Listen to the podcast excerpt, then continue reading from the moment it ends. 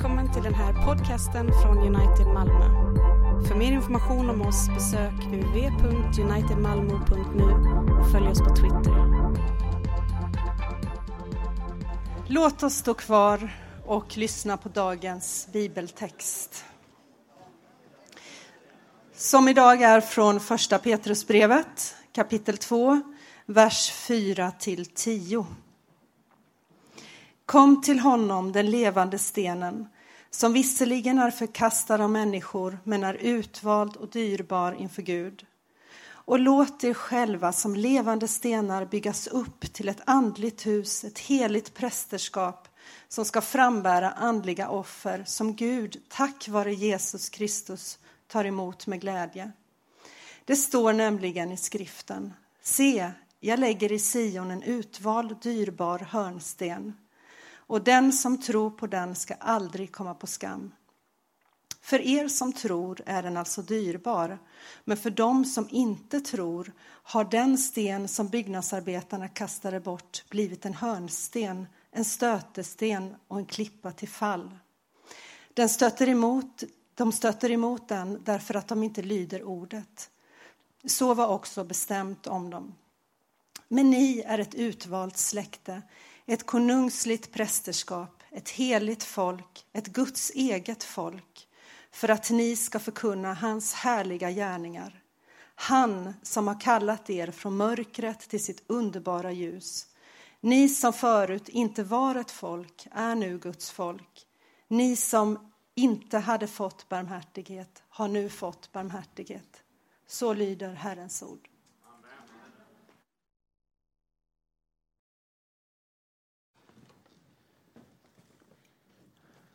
Gott, vi har kommit till eh, fjärde delen i den här serien där vi talar om oss kristna som aliens. Och aliens är vi ju i den bemärkelsen inte att vi har eh, liksom konstiga horn i huvudet utan vi är här på jorden men vi hör inte riktigt hemma här. Vi är same same but different. Alltså vi bor i samma hus som våra grannar, vi jobbar på samma jobb men det är någonting lite annorlunda med oss. Vi tar våra impulser någon annanstans ifrån och det påverkar oss. Eh, och frågan som vi skulle kunna säga att vi besvarar genom den här serien är hur, skulle det, hur ska det kristna livet levas med vetskapen om att Guds rike är här men ännu inte fullt ut. Hur ska vi hantera den spänningen? Och vi har eh, som sagt vi är inne på fjärde delen. Eh, vi har gått igenom tre delar innan, blir det då, om man räknar ihop det lite snabbt. Och du kan gärna eh, lyssna på dem på podcasten, de finns ute allihopa nu, så du, om det är någon du har missat tidigare. Och idag, idag utifrån de här sex verserna som vi har läst så har vi samlat ihop det till rubriken Ett annorlunda släkte. Vad innebär det att vi är som kristna ett annorlunda släkte och hur är då det här släktet? Eh, det är det vi ska försöka reda ut lite idag och eh, vi har till hjälp fyra stycken punkter som är släktets kännetecken, ska vi prata om. Släktets syfte, släktets medlemmar och släktets förutsättning. Och vi börjar från början med släktets kännetecken. Och I vers 5 så läste vi så här, och låt er själva som levande stenar byggas upp till ett andligt hus.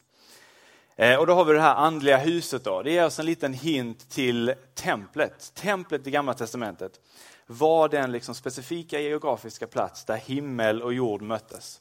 Det var där Gud var med sin närvaro. Det fanns bara liksom en geografisk punkt där det här skedde.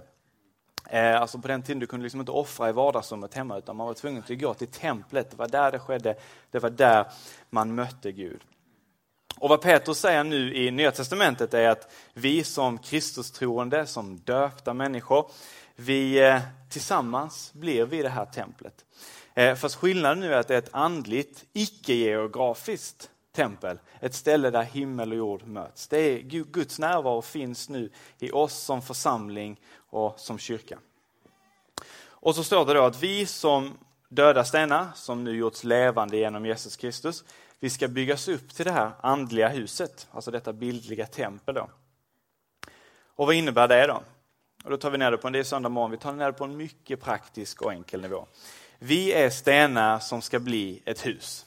Vi är med så långt. Eh, enkel logik då, va? alltså om det är massor med olika stenar som bara ligger utspridda på olika ställen eh, i någon form av huller om buller, då kallar vi inte det för ett hus. Det Är ni med på? Ja, tack. Eh, då är vi bara just lösa stenar. Men det är inte heller så att vi löser problemet med att det blir ett hus om vi bara tar alla de här stenarna och drar ihop dem så att de ligger nära varandra. Det är inte bara avståndet som är problemet. Eller hur? För om vi drar ihop stenarna, då har vi på sin höjd skapat en hög med stenar. Det är inte det vi ska bli, utan det ska bli ett hus. Vad krävs då för att det ska bli ett hus? Ett hus blir det ju först när vi dels har löst avståndsproblemet så att vi kommer tillsammans och är nära. Men de här tegelstenarna eller stenarna behöver ligga på varandra. Det behöver skapas ett form av beroendeförhållande mellan de här stenarna. Det måste skapas ett beroende. Alltså varje tegelsten bidrar till att bära den gemensamma tyngden och bördan som har placerats på oss gemensamt. Och varje sten är viktig för att byggnaden faktiskt ska bli en byggnad. Vi kan inte sakna vissa stenar utan vi behöver varandra. Om en sten är borta så är det något fel på huset. Det är någonting som saknas. Och det här påminner ju lite för dig som är, ställer ner här. För dig som är lite med så påminner det ju lite om, eh, om en annan bild som Paulus brukar använda om församlingen, nämligen att vi är en kropp. Eller hur? Vi, vi är olika lemmar som byggs upp till en kropp och att vi behöver alla varandra. Om någon lem lider så lider alla lemmarna och så vidare. Och i vår värld idag där ord som självständighet, självförverkligande och oberoende är synonymt med framgång och lycka så är det lätt att glömma bort hur Bibeln uppmanar oss faktiskt att vi behöver gemenskap. Inte bara gemenskap med Gud utan vi behöver gemenskap med varandra. Och det är första poängen som vi tar ut ifrån dagens text. Att det här släktet som vi tillhör det kännetecknas av en gemenskap med nära sammanhållning. Där vi inte bara är en, liksom, vi har inte bara en lös koppling till varandra, så vi inte stenar bara på samma grusväg. Utan vi eh, har den här beroendeförhållandet till varandra. Vi behöver varandra. Det kristna livet är tänkt att levas tillsammans med andra kristna.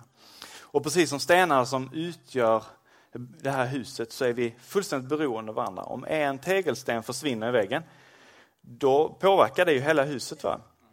Alltså då blir det ett hål, det blåser in, det regnar in, det blir kallt in i huset. Och precis så viktig är sammanhållningen och gemenskapen med bröder och systrar. Som vi, om, om det är så att någon saknas, då lider vi allihopa. Och vad innebär då det? det får vi, här får vi rannsaka oss själva. Vad innebär det att vi lever ett liv där vi är beroende av varandra? Vad betyder det att jag medvetet kanske öppnar upp mig för mig själv? Eller inte för mig själv, jag öppnar upp mig själv för mina kristna bröder och systrar så att jag gör mig beroende av andra. Eller är det så att jag försöker klara det kristna livet själv? Och här får vi fundera på hur sköter jag min roll i det här andliga huset som ska bli till? Hur bidrar jag? Ser jag hur viktig min roll är i det här bygget? Och tar jag emot andra människor som en gåva från Gud till mig och församlingen, som det faktiskt är? Eh, en smart kille som heter Dietrich Bonhoeffer har sagt så här, det är ett ganska långt citat, men häng med för det här är jättebra. Fysisk närvaro av andra kristna är en oförliknelig källa till kraft och uppmuntran för den som tror men blir lätt förbisedd och underskattad av den som dagligen åtnjuter gemenskapens gåva. Man glömmer lätt nog att kristen gemenskap är en nådegåva från Guds rike. Frågar man en kristen var han söker sin frälsning, sin salighet, sin rättfärdighet kan han aldrig visa på sig själv utan peka på Guds ord i Jesus Kristus som tillsäger honom frälsning, salighet och rättfärdighet. Han håller detta ord i sikte var och när han kan eftersom han dagligen hungrar och törstar efter rättfärdighet längtar han ständigt efter det förlösande ordet. Och vad har det här med gemenskap att göra? Jo, detta ord har Gud lagt i människors mun så att det kan föras vidare bland människorna. Har den ene blivit träffad av ordet så säger han det till den andra. Och Gud vill att vi ska söka och finna hans levande ord i människomun, i brödernas vittnesbörd. Därför behöver den kristne en gemenskap som tillsäger honom Guds ord. Och han behöver någon som ständigt på nytt när han, eh, som ständigt på nytt när han blivit osäker och mo, modlös. För hos sig själv har han ingen hjälp att hämta. Det vore självbedrägeri. Han behöver en broder som bärare och förkunnare av Guds frälsande ord. Det kristna släktets kännetecken är den här nära gemenskapen och överlåtelsen som de har till varandra. Vi behöver varandra. Vi behöver varandra, inte bara i största allmänhet, utan vi behöver varandra för att tala Guds ord till varandra. för att uppmuntra varandra och bära varandras bördor. Alltså du är Guds gåva till mig. Inte bara vissa i Guds församling är Guds gåva till mig, utan Guds församling, alla människor är Guds gåva till mig. Och jag är Guds gåva till dig. Hur orimligt det än verkar, så är det. Vi är Guds gåvor till varandra.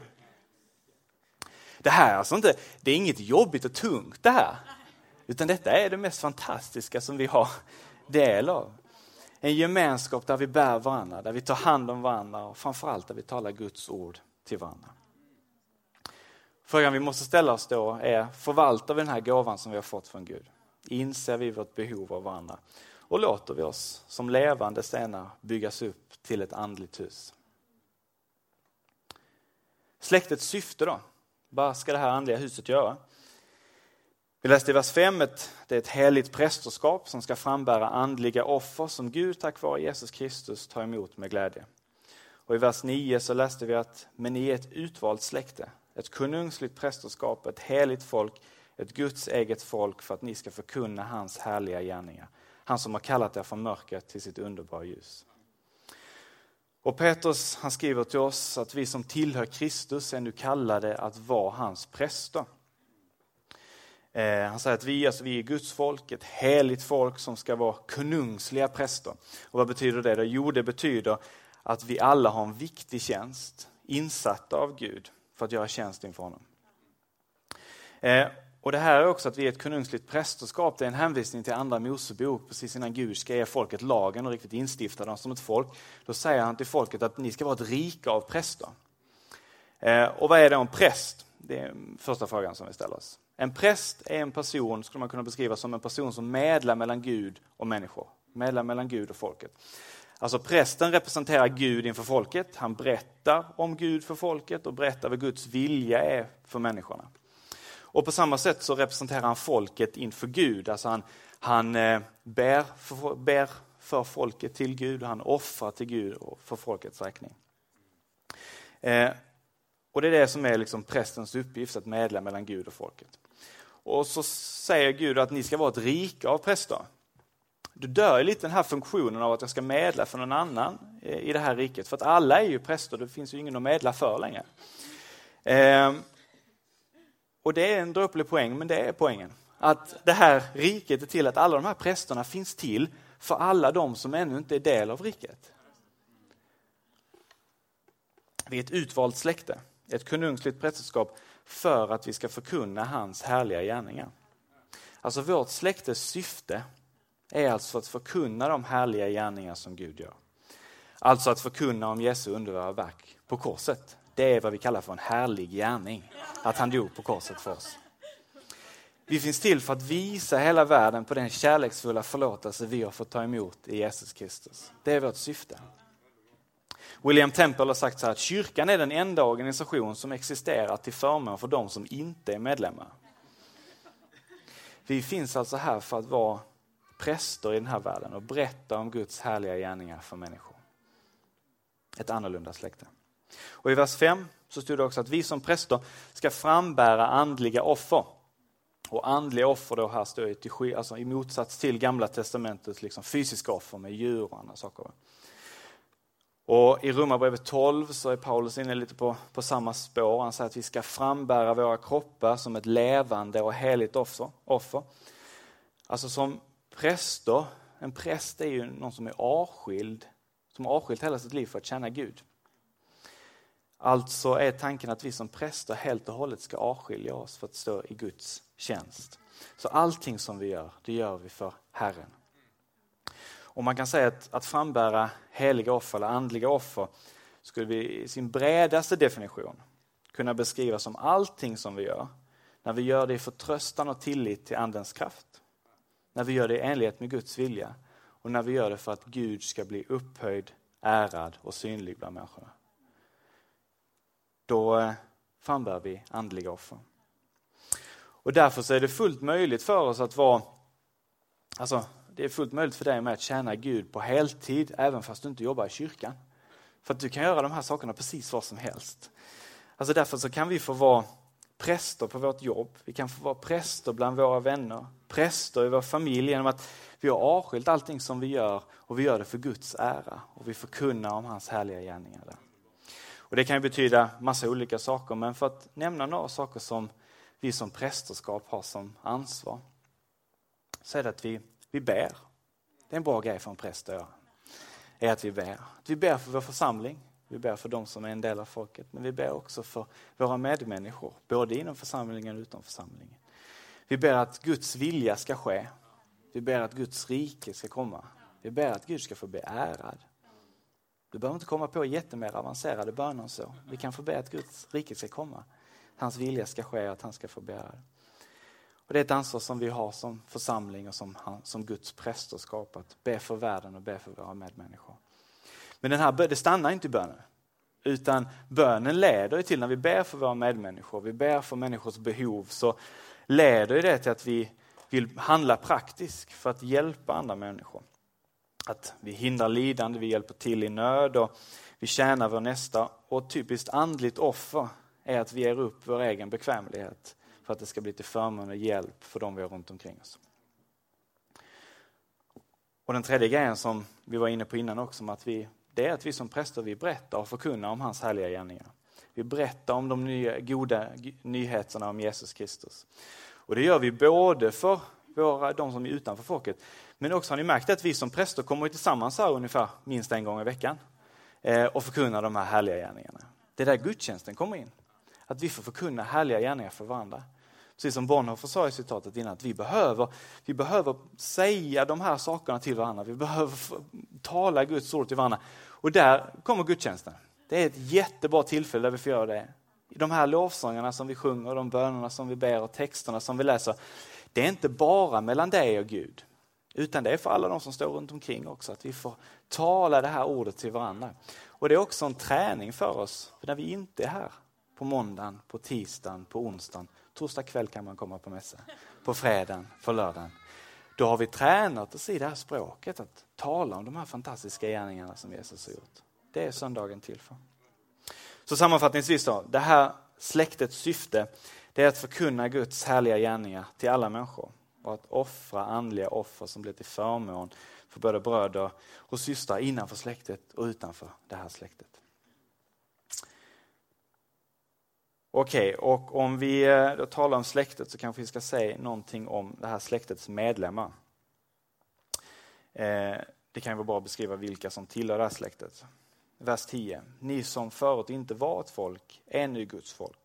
Ni som inte hade fått barmhärtighet har nu fått barmhärtighet. Första är att ni som förut inte var ett folk har nu blivit ett folk. Det här brevet som Petrus har skrivit det skickades runt till många församlingar och vi kan förstå lite där att de här församlingarna bestod av alla möjliga människor. Människor med olika bakgrunder, olika livssituationer, olika traditioner, olika åsikter. Och församlingen på den här tiden hade den konstiga och lite obegripliga förmågan att samla alla de här människorna som hade så, liksom, kom från helt olika ställen eh, och som egentligen var fiender i samhället. Men att samla dem under ett tak och förena dem genom kyrkan. Ehm, så här säger Emanuel Katangole som har skrivit lite om det här, att vi är kallade att vara annorlunda på samma sätt som de tidiga kristna gemenskaperna var annorlunda gentemot världen runt omkring. Församlingen i Antiochia sammanförde judar och samariter. De var inte per liksom, standard vänner. Greker och romare, slavar och fria, män och kvinnor på sätt som förvirrade människorna runt omkring dem så pass att de inte visste vad de skulle kalla dem. Så de kallade dem kristna. För det enda sättet de kunde beskriva deras underliga sätt var genom att säga att de följde en udda predikant från Galileen, den här Kristus. Det går liksom inte att sätta en etikett på de människorna som är en del av det här annorlunda släktet. Utan det är verkligen alla möjliga människor. Men med en gemensam nämnare. Det är någonting som för dem samman. Va? Vad är det då? Ni som inte hade fått barmhärtighet har nu fått barmhärtighet.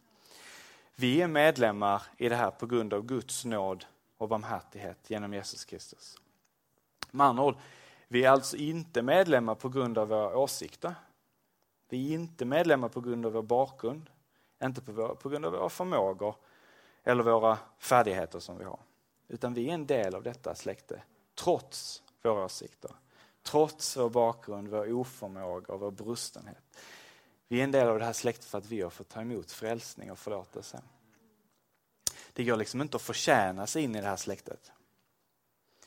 Och Luther, det är viktigt att vi har in ett Luther-citat också, eh, uttrycker sanningen om den här oförtjänta nåden på ett fantastiskt sätt. Han liknar Guds helt oförtjänta kärlek till oss med en förälders kärlek till sitt barn. Och för mig som nybliven pappa så är bilden lite extra talande. Men hur har barnet förtjänat denna kärlek? Jo, genom att kissa, bajsa, gråta och fylla hela huset med skrik. Precis så oförtjänad är Guds kärlek gentemot oss syndare. Det jag känner igen mig själv i det, framförallt min dotter i det här.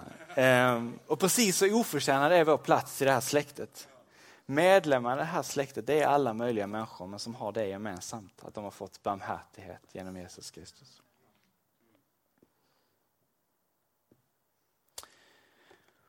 Okej, då har vi liksom gått igenom ett par olika saker där. Släktets förutsättning. För nu har vi talat om att vi, vi ska bli ett andligt hus och att vi eh, inte kan vara kristna på egen hand. Vi eh, behöver varandra, vi behöver till och med göra oss beroende av varandra. Det ingår i det här kristna släktet. Och vi har talat om att vi, ska, att vi är präster som ska förkunna Guds gärningar och Guds härliga gärningar. Vi ska tjäna Gud med allt vi har och vi ska be för, för vår, vår nästa och vi ska göra goda gärningar för vår nästa. Och sen så har vi talat om vår gemenskapen och medlemmarna i det här, att vår församlingen börjar på något sätt präglas av det, att det finns en bredd, att det är många olika människor. Till och med människor som jag kanske inte riktigt ja, normalt faller samman med på det sådär jättesmidigt. Och då kanske du som jag sitter här och känner att ja, men det här, ja, alltså jag kan ju säga det fina med en sån här kristen gemenskap. Alltså jag kan säga att det är ju vackert det du beskriver Jakob, men alltså det känns ju väldigt krävande att jag på något sätt skulle göra mig beroende av någon annan. Alltså jag tycker att självständighet och självförverkligande, det låter otroligt mycket roligare än att jag ska behöva ge upp min egen bekvämlighet för andra och överlåta mig till mina medmänniskor. Och det här med att vi är en del av detta prästerskap. Alltså man har hört talas om poliser som bryter mot lagen och det är ju illa. Men präster som inte vill tjäna Gud, det är otroligt mycket värre. Och jag känner mig som en korrupt och motvillig präst. Jag, bara, jag vill bara tjäna mig själv, jag är inte alls intresserad av att tjäna dig Gud. Och sen när vi tittar på medlemmarna i det här släktet så, alla de där möjliga människorna, så jag gillar ju att umgås mest med sådana som är som jag. Det här vrider och vänder lite i mig. Och man liksom kommer nästan till conclusion att, att hur, ska vi fixa, hur ska vi fixa till det här? Hur ska vi få det att funka? Det kommer aldrig bli så som du beskriver Jakob. Så jag, jag kommer aldrig fixa det, det här. Och då kan jag bara bekräfta det. Att du kommer aldrig fixa det här. Det är helt omöjligt. För lösningen finns inte inom dig, den finns inte inom mig. Utan vår räddning den kommer till oss utifrån. Alltså att vi kämpar hårdare kommer inte ta oss dit. Det är inte det som kommer skapa det här släktet. Utan förutsättningen, förutsättningen för det här sitter inte i din eller min starka vilja eller din hårda kämpan för att på ett mänskligt sätt skapa det här.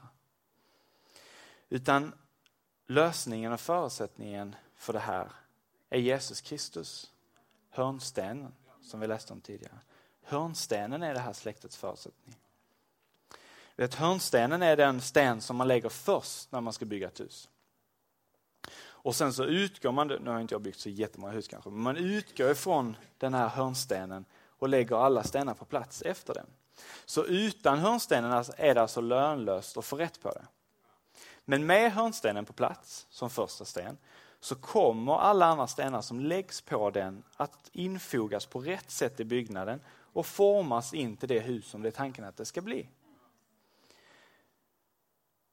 Och så långt är vi med va? Så vad ska vi då göra då? Om hörnstenen är lösningen, vad ska vi göra? Jo, den första versen i dagens text börjar med Kom till honom. Bibel 2000 säger nästan ännu bättre att när ni kommer till honom. Vad är det som händer då? Jo, låt er själva som levande stenar byggas upp. Med andra ord, när ni kommer till honom så kommer det här hända. Det är alltså någonting som görs med oss, där vi bara hänger på. Alltså när vi kommer till Kristus så är det detta som händer, det som vi har beskrivit i de här tre första punkterna. Det är det här som kommer ske. Vi byggs upp till ett andligt hus. Vi blir ett heligt prästerskap som frambär andliga offer som förkunnar om hans härliga gärningar. Det är det som kommer ske när vi kommer till Kristus. Och när vi kommer till Kristus så förvandlas vi. Han gör någonting med oss. Längtan väcks inom oss till det här. Och sakta men säkert så kommer vi att bli det här släktet som Gud har bestämt om oss. Han har utvalt oss till detta. Och vet du vad som är så skönt med att han har utvalt oss till det här? Det är att det, då behöver vi inte ställa oss frågan om det kommer ske. Utan det kommer att ske, för Gud har bestämt det här. Det kommer att bli som Gud vill. Och det vi kan göra, det är bara att komma till honom och ta emot. Och därför är det precis det som vi behöver göra. Det är det som texten startar med idag. Kom till honom. Därför vi omvänder oss och överlämnar oss helt och hållet och låter han göra sitt verk i oss. Och hur går det till då? Jo, bland annat gudstjänsten. I gudstjänsten så verkar Guds ord. Guds ord går ut i gudstjänsten. Både som vi sa mellan varandra, att vi, vi sjunger ut dem till varandra. Ibland så är det bra att lyssna på den granne för att han eller hon sjunger ganska många bra grejer under gudstjänsten. Eh, men också att ordet får gå ut så här att vi får höra Guds ord till oss. Och ju mer vi förstår och blir vissa om vad Jesus har gjort för oss, desto mer föds en längtan inom oss och vi förvandlas mer och mer till att bli lika Kristus. Och i gudstjänsten, vad gör vi där också? Jo, vi firar nattvard i gudstjänsten. Och Gud, vet du vad fantastiskt att Gud verkar med oss i nattvarden. Det är inte bara en minnesstund där vi liksom försöker liksom intensivt komma ihåg vad som hände för 2000 år sedan, utan Gud är verksam. Den helige Ande verkar i nattvarden. Och när vi tar emot brödet och vinet så är det Kristus själv som vi tar emot. Och därför tror vi att det är så viktigt att vi gör det varje vecka. Så precis idag, bara om en liten stund, så får vi på ett riktigt sätt faktiskt komma till honom. Vi får komma till hans bord som han har dukat upp med sig själv. Vi får komma till Kristus och vi får ta emot honom och låta han förvandla oss. Lösningen finns som vi sa inte inom dig, den finns inte inom mig, utan lösningen kommer till dig. Den kommer utifrån i Jesus Kristus. Och det är genom honom och av honom som vi formas in till det här annorlunda släktet. Ära vara Fadern och Sonen och den helige Ande, nu och alltid och i evigheters evighet. Amen.